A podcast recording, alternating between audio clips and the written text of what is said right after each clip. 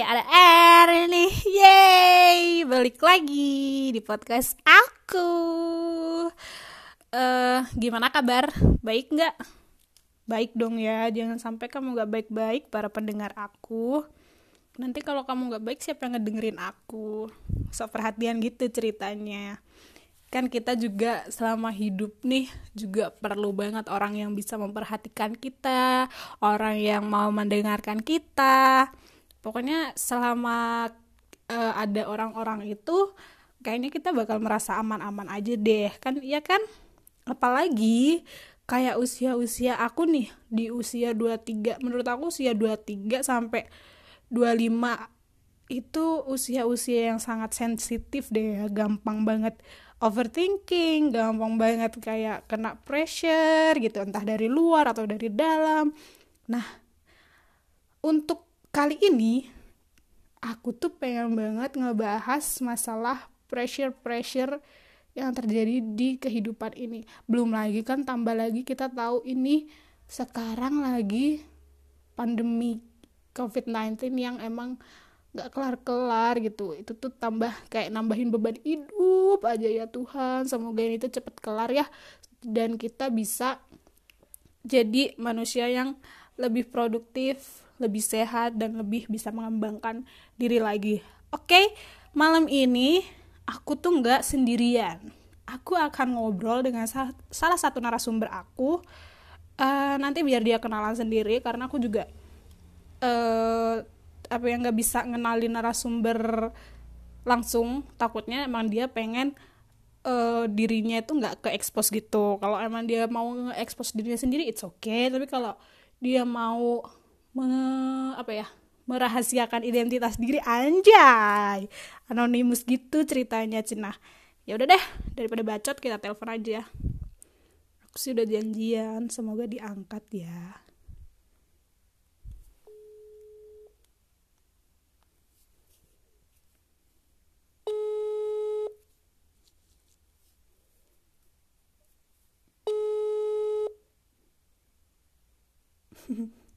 lama banget. Halo? Halo. Iya halo. Itu ya ada apa ada apa? itu suara kipas ya? Oh iya sorry ya. Aku sedang kepanasan guys. Oke okay. sekarang ini iya. adalah salah satu teman aku juga tapi biar dia kenalan sendiri deh silakan kamu perkenalan diri deh. Oh kita temen ya? Oh enggak enggak. Sorry sorry aku salah sebut. Kita mah mesti dalam selimut. Iya. Halo. Uh, aku adalah seorang perempuan. Ya kali umur 24 tahun. Bentar dong. Oh, iya. karena kata suruh perkenalan. Iya, iya maaf maaf maaf Astagfirullah. Aku perempuan, guys. Umur 24 tahun. Baru aja 24 tahun di bulan Agustus ini. Uh, bisa dipanggil terserah Anda deh ya, Bu ya. Mau panggil saya siapa? Tolong jangan nama asli, oke? Okay? Eh, oke, okay, okay. Itu uh, aku lulusan HI UNED. Boleh gak sih disebut? Boleh ya? Ya kan ya nggak tahu kamu mah katanya nggak mau sebut nama tapi sebut data pribadi bodoh goblok. Awal ya? Saya lulusan HIT gitu ya. Di tahun ini tepat bulan Januari kemarin guys. Dan sekarang saya profesinya jadi pengacara pengangguran banyak acara gitu kan kayaknya buat beberapa gitu, orang cukup. bakal tahu deh dia siapa. Tapi mungkin buat pendengar aku yang nggak tahu background kita kalian nggak bakal tahu sih dia siapa. Jadi dia emang ada yang dengerin ya? Jahat. Nggak ada. Nggak ada yang dengerin cuma dikit. Aja terus terus gimana gimana? Dia tuh sok misterius ya jadi sok iya aja gitu. Soal nggak mau nyebutin identitas diri biar aku tuh biar aku tuh bisa lebih terbuka gitu untuk demi podcast kamu iya gitu. aduh makasih banget. Aku terharu. Emang kamu tuh teman terbaik. Anjay gak ada yang bohong. Eh makasih ya. Jadi, ya gimana gimana jadinya? Jadi aku aku tuh pengen banget ngangkat masalah pressure hidup gitu. Beban-beban apa sih gitu? Kan apalagi kita nih Waduh. lagi ad, eh, ada di masa-masa yang bisa dibilang tuh usia-usia sensitif gitu ya. Gampang banget Iya, iya, iya. kepikiran, kayak hal kecil aja tuh bisa jadi gede gitu kalau udah dipikirin dalam. Apalagi kayak usia 23, 2 sampai 25 tuh kayak tuntutannya tuh banyak banget yang jadi omongan orang tuh kayak nggak kok nggak kerja, kok nggak nikah, atau kok nggak lulus lulus sudah tua gitu-gitu. Heboh emang masyarakat bumi nih. Jadi aku tuh Iya, pengen tahu nih, eh Apa apa. sejauh ini sejauh ini dengan usia kamu yang sudah menginjak 24 tahun kamu tuh udah pernah menghadapi pressure macam apa aja sih Duh, kalau pressure mah banyak banget ya. Bahkan dari tahun kemarin aja itu pressure-nya udah banyak banget. Jadi dari kuliah itu kayak yang kita alami ya, dari skripsi itu gila. Itu adalah pressure terberatku sih kayaknya. Terus sekarang apalagi udah lulus, tuntutannya makin banyak.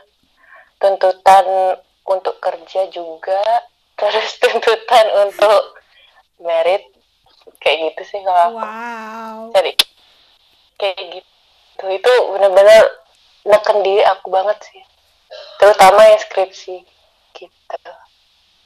Iya bener sih. Kalau aku sih emang aku juga ngerasain gitu ya kan. Kita sama-sama berjuang gitu untuk mengalahkan orang-orang ini biar kita bisa cepet kelar. Tapi kenapa kamu anggap bahwa fase pengerjaan skripsimu itu pressure salah satu pressure terberatmu? Karena ini lebih ke orang tua kali ya. Kalau sebenarnya kalau aku sih ya Allah maafkan aku ibu. Jadi kalau aku itu ya santai aja sih. Skripsi tuh ya udah lah ya skripsi aja gitu. Kerjain ntar nggak dikerjain tiga bulan mangkrak nanti mulai lagi kerjain. Kalau aku sih sesantai itu. Cuman kalau dari tuntutan orang tua kan ayo cepetan lulus. Pokok targetnya sekarang sekarang sekarang pokok ini ini ini ini gitu. Dan kamu tahu kemarin itu skripsi aku kan pas banget lulus di hari ter- terakhir semester 9 itu pas banget hari terakhir aku bener-bener baru entry nilai. Dan itu pressure dari orang tua aku. Sampai dosen dosen aku pembimbing aku tuh telepon ke ini ke dosenmu yang itu itu tahu gak sih? Iya Nah, I know itu. what you mean. Sumpah itu mukjizat banget sih. Kalau dosen aku pembimbing aku nggak baik mungkin aku nggak bakalan bisa lulus dan mungkin aku bakal nambah UKT dan gila itu pressure-nya berat banget sampai makan pun itu nggak enak. Nih ya aku nggak pernah yang namanya sakit biduran. Itu kan Duh ya Allah receh banget. Cuma ini nggak ngada-ngada guys. Ini nggak Iya, ngada-ngada sampai karena memang penyakit itu datangnya dari pikiran ya. Karena pikiran udah stres kayak gitu skripsi nggak kelar-kelar gitu jurnal kayak gitu semua. Akhirnya banyak penyakit yang datang ke badan sih. Jadi lebih nggak sehat aja gitu. Sampai biduran pun alergi dingin. Sampai tiap minggu aku selalu sakit Ya Dan itu selalu rutin. ampun, kasihan. kayaknya kamu pasti ini juga deh pasti ngerasain juga deh kan kita bareng-bareng ya Kalau aku sih ya ya sama Kita- sih ya sebenarnya pressure-nya ada dari internal iya, dari eksternal juga iya. Jadi kayak ya Tuhan kita tuh udah ngerasa kayak iya kita nih ngusahain gitu loh secepat mungkin kita juga nggak mau jadi mahasiswa yang kelihatan bodoh gitu menunda-nunda skripsi gitu kayak buang-buang Iya, waktu benar. juga masa iya mau tua di kampus. Tapi ya sabar gitu semuanya pasti kelar pada waktunya gitu. Kita nggak nunda tapi kita juga capek butuh waktu buat istirahat kan gitu ya. Nah, heeh, iya bener banget. Dan kasihan banget sih kayak baik teman-teman kita kan di apalagi di jurusan kita yang masih banyak banget belum lulus guys karena memang skripsinya serumit itu dan apalagi sekarang lagi corona ya. Jadi susah banget aksesnya buat ke kampus nemuin dosen kasihan banget. tapi emang masa-masa preskripsian tuh seru mampus gila sih emang Gila, seru banget yang bikin betah di kampus itu apa sih? Nongkrong di depan ruang dosen sambil gibah. Biasanya di gibah itu adalah dosen yang ditunggu gitu. sampai saking ini tahu nggak sih? Sampai terlalu asiknya gibah dosen yang dicari itu pada ada di ruangan kita tuh nggak tahu. Dan sampai dosennya tuh pulang kita tuh juga nggak tahu gitu. Ternyata emang udah ada gitu saking asiknya gibah gitu. Bayangin itu seasik apa gila kamu Iya mah kan? emang suka numpuk dosa. Kasian banget kan sampai ada yang sampai diusir-usir gitu. Itu kan pressure tersendiri sih. Mm-mm. jadi buat kalian teman-teman yang lagi skripsi eh kalau punya dosen yang baik itu benar-benar disyukuri. Kalau masih bisa sering ditemuin itu bersyukurlah. Karena nggak semua dosen kayak gitu gitu. Karena teman aku juga banyak banget yang susah skripsinya gitu Iya, emang skripsi itu eh, apa ya punya enak gak enaknya sendiri-sendiri ya. Kayak kita kan juga ada teman kita yang yang nggak tahu sih ya kelihatan dari luarnya tuh kayak lancar aja cepet aja. Kitanya mah kayak ngerasain kayak ya ampun kok nggak kelar-kelar ya, kok salah mulu ya, kok revisi mulu ya. Eh, apalagi kamu kan ya Karena ini nggak kayaknya kamu pernah deh diusir ya kayak gitu udah lumrah sih kalau skripsi. Jangan sampai putus semangat deh. Mm-mm, bener, bener banget. Terus selain cuman yang ini sih Apa? apa, ih bareng najis. jadi banget. Ya udah kamu duluan deh. Enggak enggak kamu kalau mau lanjutin lanjutin aja. Aku kan ke next. Enggak enggak kamu duluan aja deh. Ih. Karena aku juga udah lupa mau ngomong apa udah gila ya. Kayak kayak pasangan baru gitu ya. Kamu aja enggak ah kamu aja iya kamu aja. Iya. Jadi banget punya pasangan kayak lu. Ya astagfirullahaladzim. Iya sih ya kayaknya. Makanya sekarang lagi sendiri aja terus. Hmm. Oh sekalian promosi nih. Enggak bohongin. Enggak enggak. Terus eh, Playgirl lu. kan eh, apa selain skripsi tadi kamu juga menyinggung masalah hubungan kamu dan eh, pressure dari orang tua gitu ya. Emang menurut kamu nih emang eh, mereka untuk menuntut kamu untuk ke jalan mungkin ke sini ke sini kamunya merasa sangat setertekan itu kah gitu? Mungkin kan mereka juga punya niatan baik gitu eh, pengen ngarahin anaknya ke arah yang lebih baik gitu. Ya bener banget sih niat orang tua kan emang nggak ada yang jelek ya. Tapi yang perlu digarisbawahi di sini kan yang ngejalanin aku dan pasangan aku.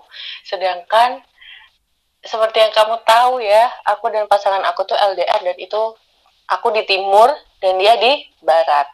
Dan kerjanya emang di situ, sedangkan aku juga nunggu ya beginilah ya keadaannya lagi jadi pengacara kan kalau nikah mau makan apa wak gue ya iya sih benar ikut suami cuman kan di sana kan dia itu seumur sama aku gila. Dan dia itu udah kerja almost dua tahun sih.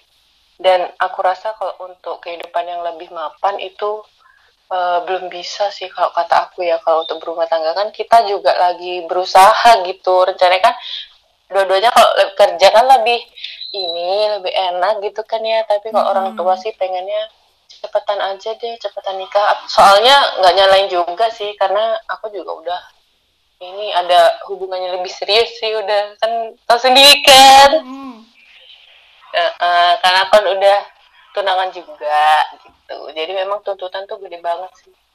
Kayak orang tua itu nyuruhnya di Jember. No pokok pasangan tuh kalau bisa di Jember di Jember aja kerjanya. Padahal untuk lapangan pekerjaan khusus dia itu bisanya ya di luar kota kayak gitu bidangnya gitu. Makanya memang pressernya berat banget sih. Kecuali kalau menikah masih di dalam satu kota ya sama orang tua itu menurut aku sih masih enak. Menikah kita bisa tinggal dulu sama orang tua sambil nabung kita nyiapin hunian gitu kan. Hmm.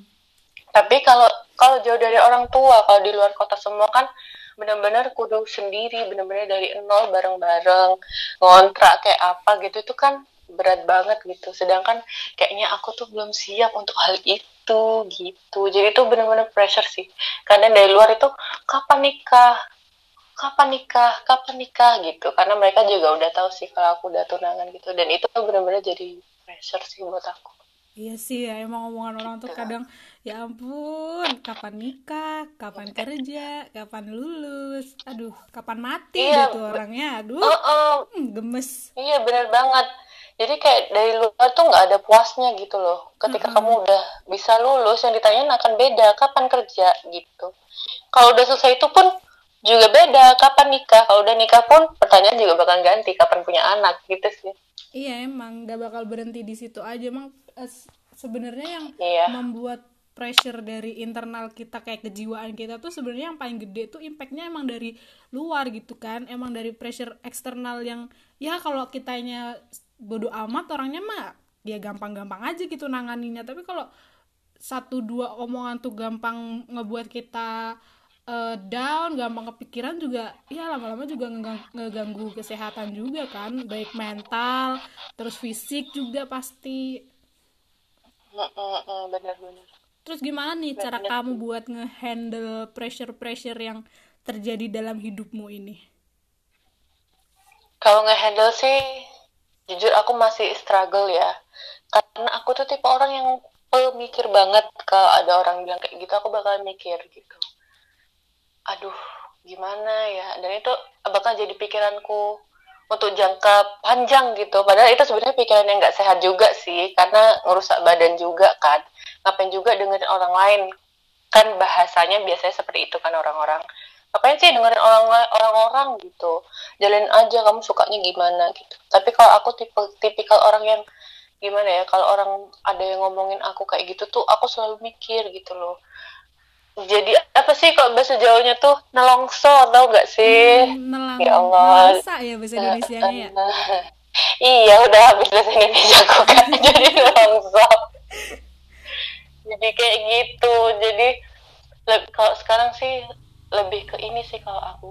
Mumpung sekarang kan corona jarang ketemu orang juga. Jadi alhamdulillah juga sih nggak banyak ini apa masukan-masukan negatif gitu ke aku. Jadi sekarang lebih fokus ke cari kerja sama ini sih. Mencoba mencintai olahraga wede Waduh, gila nggak gue.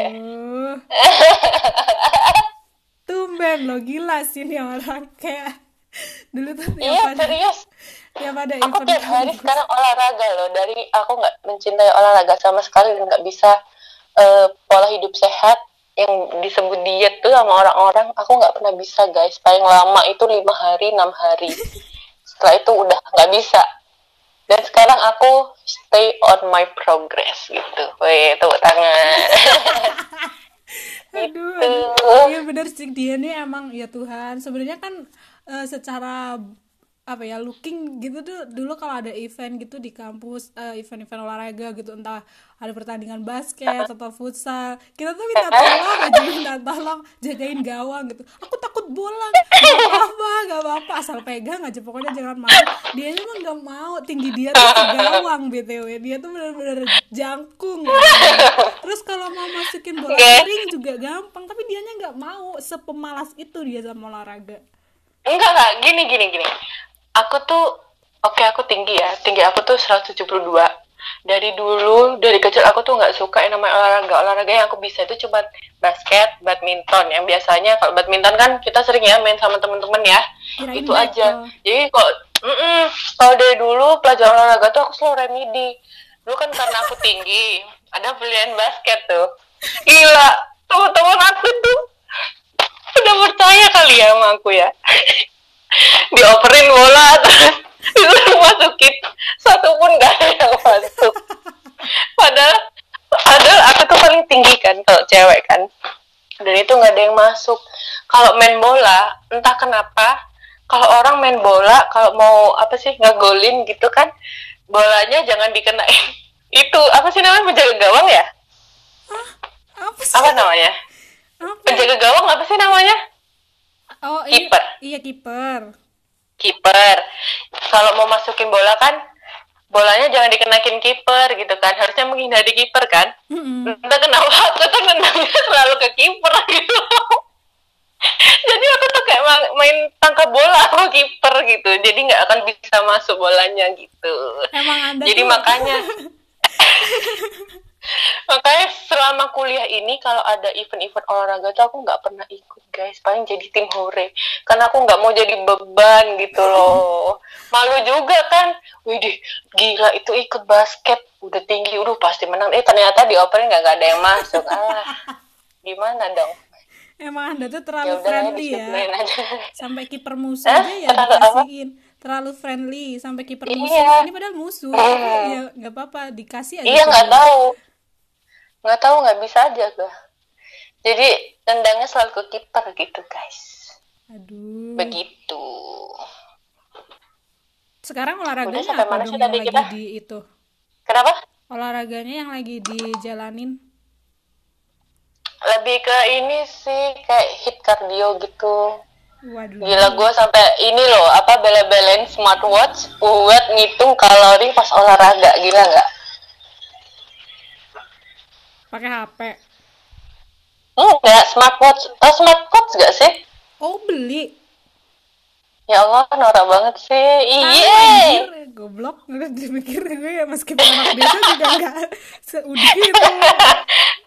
iya sampai aku tuh olahraga pakai kayak gitu ngitung kalori berapa gitu jadi benar-benar mencoba mencintai olahraga gitu jadi buat teman-teman yang lagi yang nggak suka olahraga boleh ya kapan-kapan kita lagi kalau aku udah berhasil gitu ya eh eh eh eh Ih, pantesan ya barusan tuh nggak nyambung ya aku tuh. Kamu bilang smartwatch, pikiran aku ke mana coba? Allah Stopwatch. ya Allah stopwatch ngapain beli stopwatch buat olahraga gitu ya kan Di di sini HP juga kepake kok. tuh kok stopwatch. smartwatch di ini di HP gitu Oke, kirain kamu oke. yang on Makanya itu kok kok gak nyambung ya? Ternyata gue yang bego. So sorry. Back Tapi to the ini topic. benar sih. Iya. Gimana, Kak? Iya, Kak. Jadi eh ini udah ngo- ngobrol ngalor ngidul sampai pecah konsen deh gue. Terus buat Kan emang gini kita. Oh iya serandom itu. Dari apa ke Sorry, apa sorry. ngomongnya.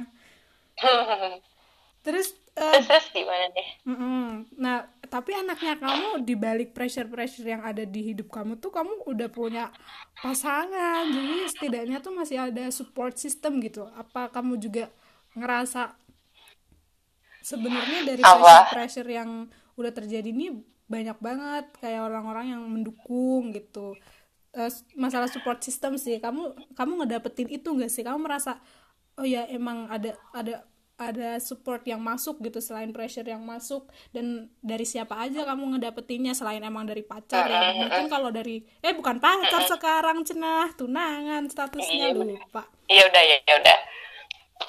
Kalau itu sih kalau support system ya, aku tuh tidak merasa mempunyai support system kalau memang cuman diginiin. Duh, semangat ya, kamu pasti bisa, cepat lulus ya. Ayo sih. dikerjain gitu. Aduh, itu nggak bisa. Itu bukan support system menurut aku. Support system menurut aku yang sebenarnya itu adalah ketika aku menemukan teman yang senasib dengan aku. Ngerti nggak? itu bener-bener jadi ini loh, jadi penguat diri loh. Kadang orang itu nggak bisa loh gini. Misal kamu lagi stres nih ngerjain skripsi, aduh dosenku galak banget, aduh ini nggak bisa, aduh ini dia gimanain. Tapi kamu cuman gini dapatnya semangat ya. Eh boleh nggak sih sebut nama kamu? Udah pada tahu kan? iya kan ini atas nama aku podcastnya it's okay Oh iya iya iya. Iya maaf maaf ya. Aduh Edni semangat ya. Aduh kamu nyampe beberapa sih. Aduh semangat. Kamu pasti bisa. Ini aja. Walaupun itu dikasih solusi ya. Itu nggak berlaku buat aku sih. Itu bukan eh, nggak nggak ngasih aku semangat gitu.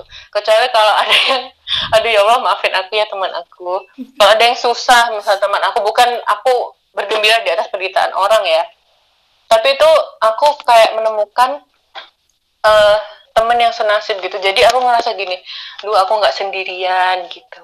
Misal kalau ada temanku yang curhat duh aku belum juga misal gitu.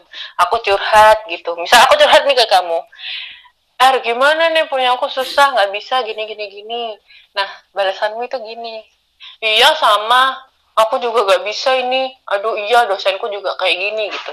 Jadi aku tuh ngerasa aku punya temen gitu aku nggak sendirian. Oh ya udah ayo berjuang bareng-bareng gitu. Oh.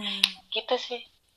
Jadi aku kalau support system tuh lebih ke temen daripada ke pacar atau ke orang tua. Karena kalau orang tua sama pacar tuh cuman bisa support ayo dikerjakan semangat kayak gitu sih. Kalau itu pribadi aku ya kalau aku nggak bisa kayak gitu. Tapi kamu merasa udah ngedapetin support system itu dari lingkungan kamu? Udah dong Bagus. kan aku punya kamu. Asia. Eh nggak boleh ngomong Gila, anjay tuh- loh. Katanya tuh anjay Gak haram. boleh. Nanti kamu di ini di take down. Aduh. Gak boleh ya. Ih pada alay deh masyarakat zaman sekarang ya. Heboh. Oh, uh, biasa lah cari panggung. Namanya mirip aku pula yang cari panggungnya nggak?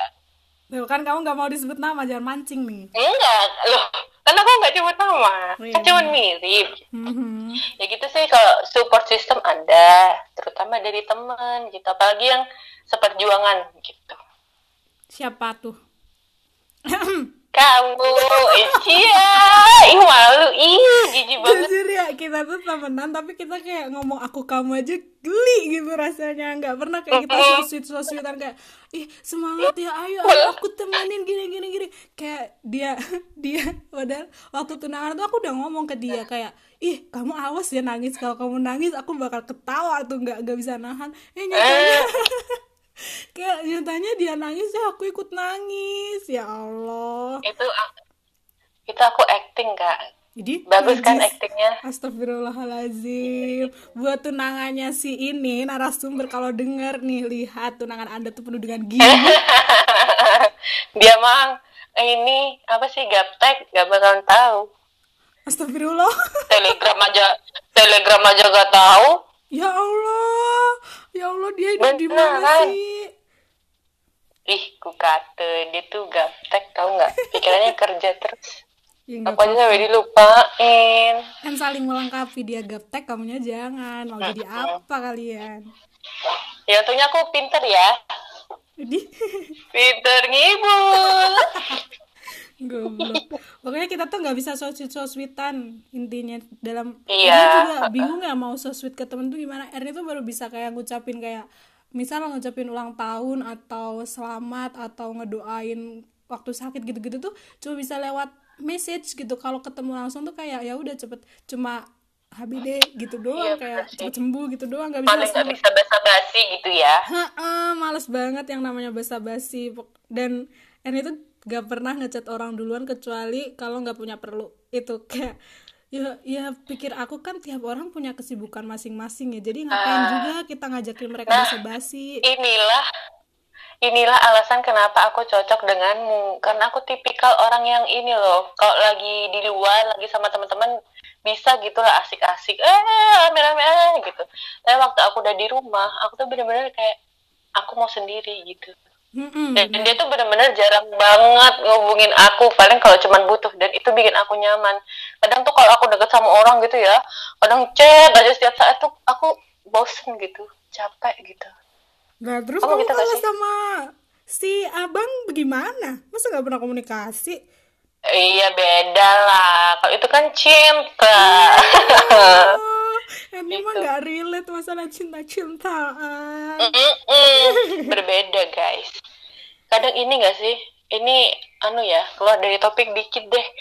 Kadang tuh orang-orang tuh aku heran ya bilang gini. Kamu tuh temenan cuman kalau ada butuhnya gitu. Tapi aku ah, ini loh apa nggak setuju sama kayak gitu itu. sama Emang banget. kita itu tuh kita itu temenan emang ada butuhnya gitu. Pasti ada butuh gitu apa pun itu. Iya nggak sih?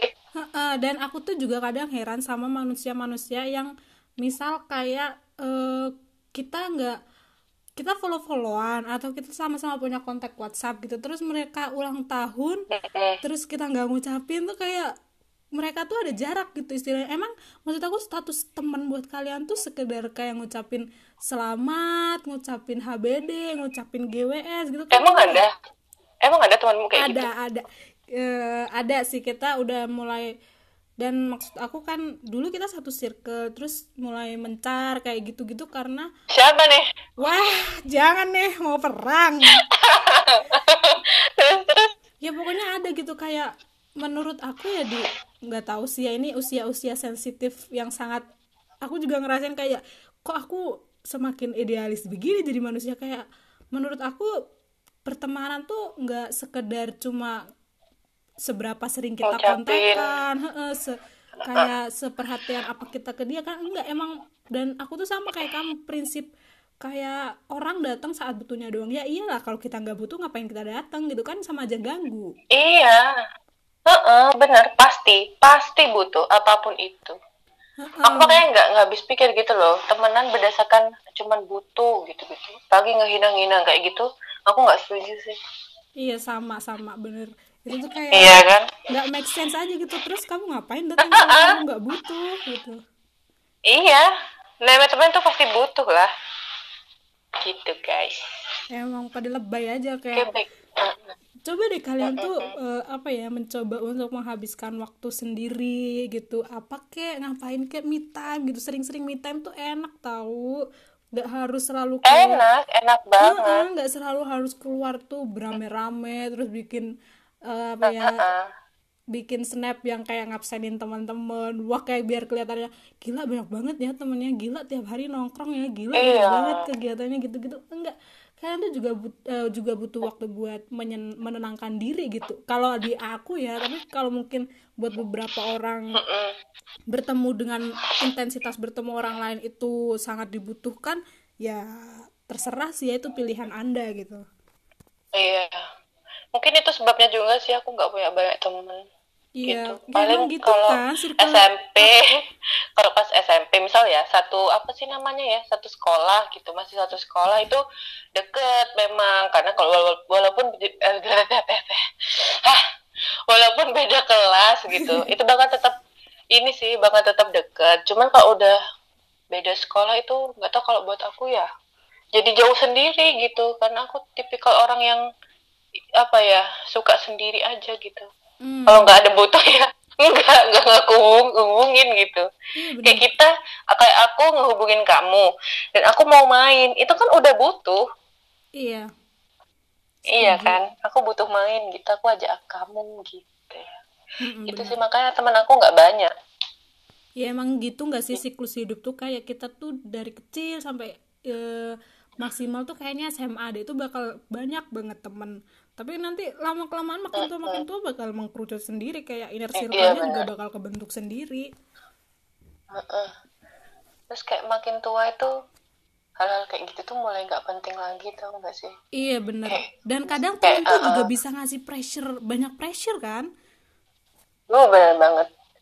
Apalagi banyak temen temennya udah pernah sukses semua udah mati lah kau Iya kalau sukses merekanya support sportif dan mau ngajak temen gitu mah nggak masalah. Kalau sukses diambil sendiri mah ya itu yang sebenarnya kayak hmm jadi julid ini mulut aku Nah, kadang kita kan bukan sama teman dekat aja, aduh teman-temanku kok udah pada kerja semua, sedangkan aku kok gini-gini aja gitu kan. iya Kayak emang beban beban sendiri sih kalau aku kayak gitu. hmm, itu juga kadang eh, sebenarnya ah, sosial media juga ngaruh ya itu juga termasuk pressure buat bener banget. Mm-mm.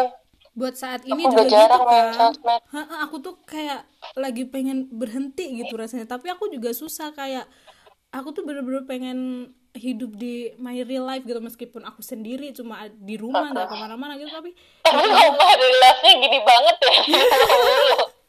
kayak ngejauhin handphone handphone ini dari aku gitu pokoknya entah itu WhatsApp, Line, Instagram dan lain-lain kayak aku pengen stop gitu. Tapi sisi lain aku juga butuh gitu kayak aku misal mau eh, tiba-tiba urgent kalau aku pas misal pengen ninggal HP mau tiba-tiba nelpon kan juga bingung gitu kan tapi Iya, secara iya, tidak langsung apa-apa yang kita lihat di sosial media itu juga mempengaruhi psikis kita kan bener banget. jadi emang serba salah itu mah pinter-pinter kita nge-handle apa yang kita lihat apa yang kita rasain Mm-mm.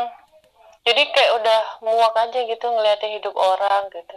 bener nah dari situ kan kita pasti akan ya membandingkan diri kita dengan mereka secara tidak langsung. Dan itu juga menurut aku udah nggak sehat sama sekali. Kayak ya udah kayak everybody has their own portion gitu. Kayak mereka tuh punya porsinya sendiri-sendiri. Kamu mau bahagianya kapan? Mau sedihnya kapan? Sabar aja dulu jalanin satu-satu gitu. Iya, sok bijak banget mulut gue Ya kita tumben ya serius gini ngomongnya. Ih, pada kita mah kalau kita mah kalau ngobrol serius kalau emang udah sama-sama ke pressure sama orang lain. Kalau enggak mah kita Duh, iya bener banget. ya Allah. Tapi bener-bener aku tuh kayak eh, sebenarnya definisi hangout yang enak tuh emang kayak kita biasanya kita hangout kayak hangout tapi jarang pegang HP, ngobrol, cerita, curhat meskipun kita jarang ketemu, intensitas kita ketemu tuh sangat minim, tapi sekali ketemu tuh kita punya banyak cerita yang bisa kita bagi gitu kan. Itu lebih seru. Duh, iya banget. Kita kalau ketemu jarang main HP nggak sih? Mm-mm, jarang banget. Kecuali Iya kan? kalau udah obrolannya udah mulai nipis, benar-benar quality time. Ha-ha, banget. Ini quality time. Najis sih sebenarnya ogih aku mah. Kita kalau real life nggak pernah sih ngomong kayak gini ya. Tuh kan dibilang kita tuh kalau ketemu langsung nih kalau face to face gak bakal terjadi obrolan ini. Pasti yang ada saling menjijikkan diri sendiri. Saling hina Iya, sampai puas. banget. Ya Allah. Tapi how Ini do you kita ngomongin enjoy apa ya ibu ya? Ya masalah apa aja kan dibilang di sini tuh kayak itu random talk, gak ada tema. Pokoknya Terus terus temanya mah satu gitu, tapi obrolannya bisa nyampe ke mana-mana. ya biasa lah ibu ya. Iya. Kayak dari A bisa nyampe ke Z, nanti dari Z kita balik lagi ke H. Aduh, pusing. Makanya kalau kita cerita nggak pernah ada habisnya. Iya. Coba kita dipasangin tuh ya Gila. sehari semalam juga bakal jadi tuh kalau nggak ingat waktu. Kamu tahu gak sih kemarin yang kita telepon itu berapa jam ya? Dua jam ya? Udah tahu. Itu berjam-jam. Aku telepon sama sama ini cowokku juga nggak pernah selama itu anjir. Paling lama sejam dan itu pas sekali dua kali. Ya mungkin karena intensitas kamu sama dia tuh tiap hari. Kalau kamu sama aku kan ya Allah bisa dihitung jari kali. Bisa tiga bulan sekali baru ngobrol. Ya Allah itu benar-benar ya Allah selama ini aku telepon aku gitu. Nggak pernah aku guys. Mungkin kalau kamu pernah lah ya waktu jadi bucin ya. Astagfirullah. udah nggak udah nggak mau Ya bucin Allah. nih. Maaf maaf nih. Kamu ingat gak sih kita pernah ngekos bareng, sekamar bareng? Dan tiap ada waktu senggang kamu selalu telepon. Dari habis maghrib sampai mau tidur. Udah. Ya Allah. Ya Allah ini anak. Ya kan itu Kamu nggak ny- sampai sekarang apakah kamu tidak menyadari kalau kamu sebucin itu? sebutin aku sadar sangat sadar sebutin itu se seberkorban itu gitu tapi ya udahlah ya itu jadi pelajaran ya maklum pacar pertama Iya, bagus. kan nggak pernah punya pacar Oh gitu ya. iya dipuas-puasin aja dulu kalau sekarang mah nggak mau pagi, siang, sore, malam selalu telepon. Hebat. Ya iya kita tuh sering banget keluar bareng kayak eh, kita pernah keluar kota tinggal sebulan bareng ya kan? Keluar negeri 10 hari tinggal bareng kayak ke mana-mana bareng. Jadi kayak aku tuh dia tuh mungkin udah udah sangat tekbal gitu dengan keluhan-keluhan receh aku yang sebenarnya nggak penting sama sekali gitu tapi kadang juga aku begitu kayak ngelihat kegilaan dia yang tiba-tiba nih yang aku paling kesel nih tangan dia tuh nggak bisa diem tiba-tiba tuh mukul tiba-tiba kayak badan aku tuh sakit semua goblok kesel banget Kau ngentutan. Ih, Gigi. Ya Udahlah, back on topic kayaknya. Jangan dibahas deh itu. Itu bagian dapur deh. oke back Nanti ini cerita semua orang pada tahu ini. oh iya jangan nanti ada yang ilfil lagi ke aku nggak jadi ngedeketin anjay Nah, itu tahu. Nggak ya, apa-apa terus sih, aku juga bagaimana? lagi Kita lanjutkan saja. Iya deh. Next adalah how do you enjoy your life di usia-usia sensitif kayak gini tuh? Kamu merasa menikmati Gila. atau enggak sih? Gila, gue mah enjoy banget gitu. Jijik. Tapi kayak sekarang tuh udah mulai sadar sih. Kayak kita kan sekarang tuntutannya adalah kerja sih, ya kan? Kamu pasti juga deh. Mm-mm. Atau kamu tuntutannya beda? Aku tuntutannya harus stay di rumah. Serius? Serius. Enak banget. Enak banget dia bilang. Enak lah. Tuntutan aku itu udah disuruh kerja guys. Jadi kalau sekarang sih gimana kalau ditanya ya gimana aku nikmatin umurku sekarang? Atau gimana aku nikmatin pressure yang aku dapat sekarang? Lebih ke ini ke jalanin harusnya aku harusnya kayak gimana gitu benerin hidup. Kayak pertama emang sih kan kita juga nggak 100% salah kita ya karena corona nih ngerti gak sih? Iya bener karena corona sebenarnya lulusnya kan juga udah lama karena corona emang nggak bisa ke mana-mana juga. Sebenarnya kalau waktu itu gak ada corona mungkin udah bisa ngelamar kerja kali ya. Kalau sekarang juga pasti bakal lebih susah sempat udah dari beberapa bulan lalu itu pressure untuk cari kerja itu udah ada sih. Karena udah mulai ada statement new normal kayak gitu-gitu kan. Tuh nah kalau sekarang itu lebih ke aku ngelakuin bener-bener coba ngelamar kerja sih. Dan itu kamu gini deh aku tanya. Kamu udah pernah coba ngelamar kerja belum? Ya yeah, sure. I try. Udah? Mm -mm. udah? Mm -mm. langsung Mm-mm. Langsung ke tempat gitu atau on online gimana maksudnya? Iya, iya langsung langsung ke tempat. Oh, belum, belum. Nah, aku tuh udah guys, bayangin dari uh, sebulan yang lalu, dua bulan kali ya, new normal udah lama kan? Udah, udah lumayan. Uh-uh. Nah itu, eh cepat cari kerja, kamu itu nggak kerja-kerja deh gitu, kata orang tua. Terus aku tuh sebenarnya kayak berat di hati gitu loh aku nggak tahu ini orang lain ngerasain juga atau enggak. Aku cuman ngerasa iya aku tuh mau kerja tapi aku tuh kerja apa? gitu. Cara ngelamarnya gimana kalau aku datang langsung ke tempatnya? Aku ke mana? gitu. Sedangkan kalau aku lulusan HI kalau HI kan seharusnya ya di kantor-kantor pemerintahan atau hmm. enggak di OIOI gitu organisasi internasional kayak apa jadi diplomat kayak apa gitu kan. Itu kan yang dari orang-orang terus ada lagi kayak jadi pekerja bank kayak apa gitu. Sedangkan kalau aku emang nggak bisa kerja di bank maksudnya dengan syarat ketentuan untuk kerja di bank aku nggak sanggup gitu. Dan nggak bakal cocok sama uh, hidupku yang udah aku jalanin sekarang gitu. Mm -hmm. jadi emang nggak bisa. Sedangkan aku bingung gitu mau kerja di pemerintahan. Aku tuh nggak suka politik guys. Jujur aja aku tuh uh, mikir kalau H itu cuma tentang communication gitu. Ternyata belajar politik guys. Sedangkan aku tuh nggak ngerti sama sekali yang namanya politik. Jadi aku tuh sekarang bingung gitu loh. Uh, fokus studiku tuh ke mana? Aku bisa kerja pakai ilmuku tuh ke mana? Sedangkan aku tuh termasuk orang yang perfeksionis ya. Jadi misal aku HI ya apa yang aku kerjakan ya harus sesuai dengan aku gitu loh. Padahal aku sendiri nggak suka politik gitu. Gimana dong? Pusing kan? Iya gitu. benar. Jadi cari sama. Uh -uh. iya cari jadi benar-benar tuh aku cari kerja tuh benar-benar kayak mau berangkat itu kaki tuh kayak ada yang mau ada yang megangin gitu. Ya udah besok. Besok aku mau cari kerja. Udah ada tidur. Pagi bangun. Aduh mau ke mana ini cari kerja? Mau ngelamar lamarannya ditaruh mana begitu akhirnya nggak jadi lagi. Terus aja kayak gitu. Sampai mama kalau udah pulang ngantor itu selalu bilang hari ini ngapain aja? Duh, itu juga pressure sih buat aku.